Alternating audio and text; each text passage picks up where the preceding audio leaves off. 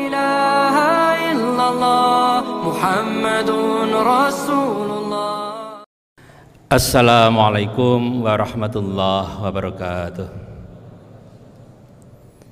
Alhamdulillah Alhamdulillahil akram Alladhi 'allama bil qalam 'allama al insana ma lam ya'lam Assalatu wassalamu ala nabiyyina Muhammadin khatamil anbiya wal mursalin khairil anam wa ala alihi wa sahbihi wa man tabi'ahum ila yaumil qiyamati ala dawam alladzina al-kiram.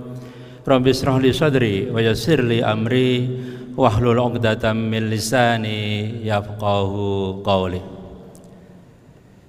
Jamaah salat Isya dan Taraweh Masjid Kampus UGM yang dimuliakan Allah Alhamdulillah kita masih diperjumpakan oleh Allah dalam keadaan sehat, sempat dan ringan kaki untuk mengikuti sholat berjamaah di masjid yang mulia ini. Mudah-mudahan Allah masih memudahkan kita untuk mengisi sisa Ramadan yang tinggal beberapa hari ini dengan amalan-amalan terbaik tidak hanya untuk diri kita sendiri tapi terlebih untuk orang lain, orang banyak. Dan semoga Allah masih berkenan mempertemukan kita dengan Ramadan di tahun yang akan datang. Amin Allahumma amin. Jamaah yang dimuliakan Allah. Pada tahun 2017 sebuah berita menghentak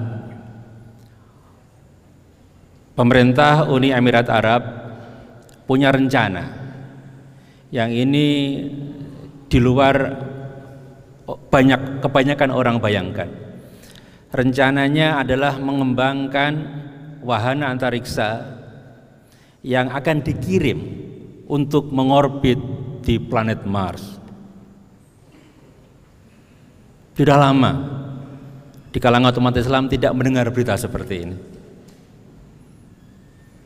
Akhirnya pemerintah menunjuk tim yang diketahui oleh seorang perempuan Ibu Sarah Al-Amiri beliau adalah Menteri Teknologi Tinggi dan juga Kepala Badan Antariksa di Uni Emirat Arab usianya masih sangat muda baru sekitar 34 tahun. Perempuan 34 tahun mengempalai sebuah proyek besar Lima tahun kemudian, wahana antariksa siap diluncurkan. Dan diluncurkan, kemudian tujuh bulan kemudian wahana tersebut akhirnya mengkorbit di planet Mars. Dan itu adalah wahana antariksa pertama yang dibuat manusia di muka bumi yang akan meneliti kondisi planet Mars. Jamaah yang dimuliakan Allah. Cerita seperti ini menurut saya dan mudah-mudahan juga menurut jamaah sekalian merupakan sebuah oase di tengah-tengah kegersangan, perkembangan ilmu pengetahuan dan teknologi di dunia Islam.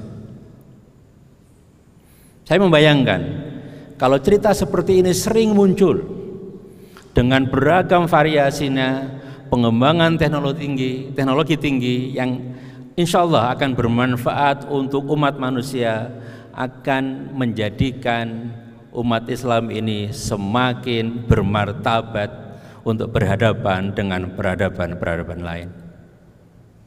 Jamaah yang dimuliakan Allah, ketika saya mahasiswa di Masjid Salman ITB sering mendengar ceramah. Salah satunya adalah bahwa kemunduran umat Islam itu karena meninggalkan agama. Hanya saja saya belum mendapatkan informasi yang lengkap konkret agama yang mana. Kemudian dalam pencarian saya membaca literatur yang bisa saya akses ada jurnal, ada buku. Saya menemukan sebuah catatan menarik. Seorang peneliti dari Harvard waktu itu masih sekolah mencoba mencari sebab kenaikan dan kemunduran peradaban Islam. Caranya unik dan ini di luar bayangan kita. Mencari bukti-bukti otentik. Namanya Eric Cheney. Nah, Cheney ini melihat katalog perpustakaan Universitas Harvard yang jumlahnya lebih dari 13 juta itu dan mencari literatur buku yang diterbitkan sebelum tahun 1500 Masehi. Dan dalam sejarah kita tahu ada zaman kemasan Islam antara abad ke-8 sampai abad ke-15. Kemudian ditabulasi ditemukan sebanyak sekitar 23 ribu buku yang terbit sebelum tahun 1500 yang ditulis oleh penulis bernama Arab tidak selalu Islam, tidak selalu Muslim yang terbit di pusat peradaban Islam saat itu. Dan 23 ribu lebih itu buku ditulis oleh sekitar 4 ribu penulis. Kemudian dipetakan. Dipetakan pertama, peta pertama adalah berdasarkan kategori, apakah itu buku tentang agama, yang kedua buku tentang sains, dan juga dipetakan di mana diterbitkan. Kemudian dapat peta, ada dua bulatan setiap kota. Bulatan besar menunjukkan cacah buku total yang terbit di sebuah kota. Kemudian ada bulatan kecil di dalamnya adalah buku tentang sains.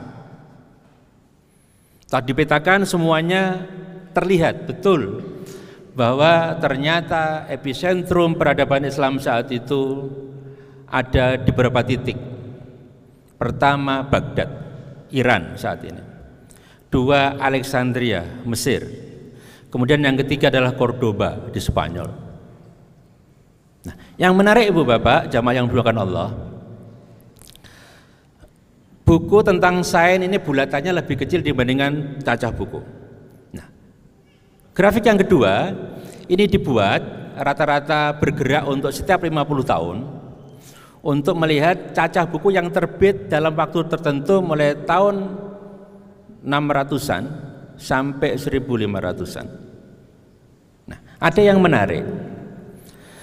Cacah buku tentang sains yang diterbitkan mulai tahun 600-an sampai menjelang akhir 1100-an abad 11 itu lebih tinggi. Lebih tinggi dibandingkan cacah buku tentang ajaran agama lebih rendah. Nah, abad 11 buku tentang agama naik luar biasa. Buku tentang sains turun luar biasa. Dan kita tahu dalam sejarah bahwa abad 11 itu dianggap sebagai abad awal kemunduran peradaban Islam. Sehingga saya sampai pada sebuah kesimpulan sementara bahwa fokus umat Islam meninggalkan sains itu juga bisa menjadi penyebab kemunduran umat Islam. Nah, kita lihat nanti. Ada banyak cerita, banyak teori yang saya baca dalam literatur. Pertama, pada abad 11 ada krisis ekonomi di Iran. Sehingga para ilmuwan bermigrasi pindah ke negara-negara sekitar. Teori yang lain menyebutkan mulai abad 11 energi umat bocor karena ada pelang salib.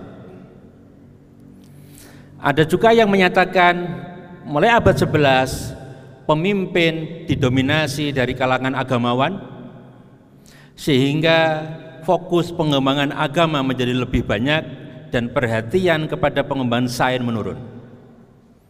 Ada juga yang mengatakan pada saat itu umat Islam bertambah banyak, energi pemerintah dialokasikan untuk pelayanan umat. Termasuk juga ada teori yang mengatakan pada saat itu ada kemajuan sufisme. Banyak sekali teori.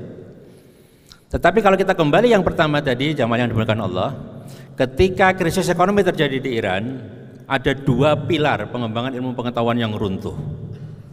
Yang pertama adalah komunikasi antar saintis. Jangan kita bayangkan seperti sekarang dengan teknologi informasi internet yang luar biasa, jarak tidak ada masalah. Saat itu moda komunikasi sangat-sangat terbatas. Yang kedua adalah dana yang berkurang drastis karena krisis ekonomi.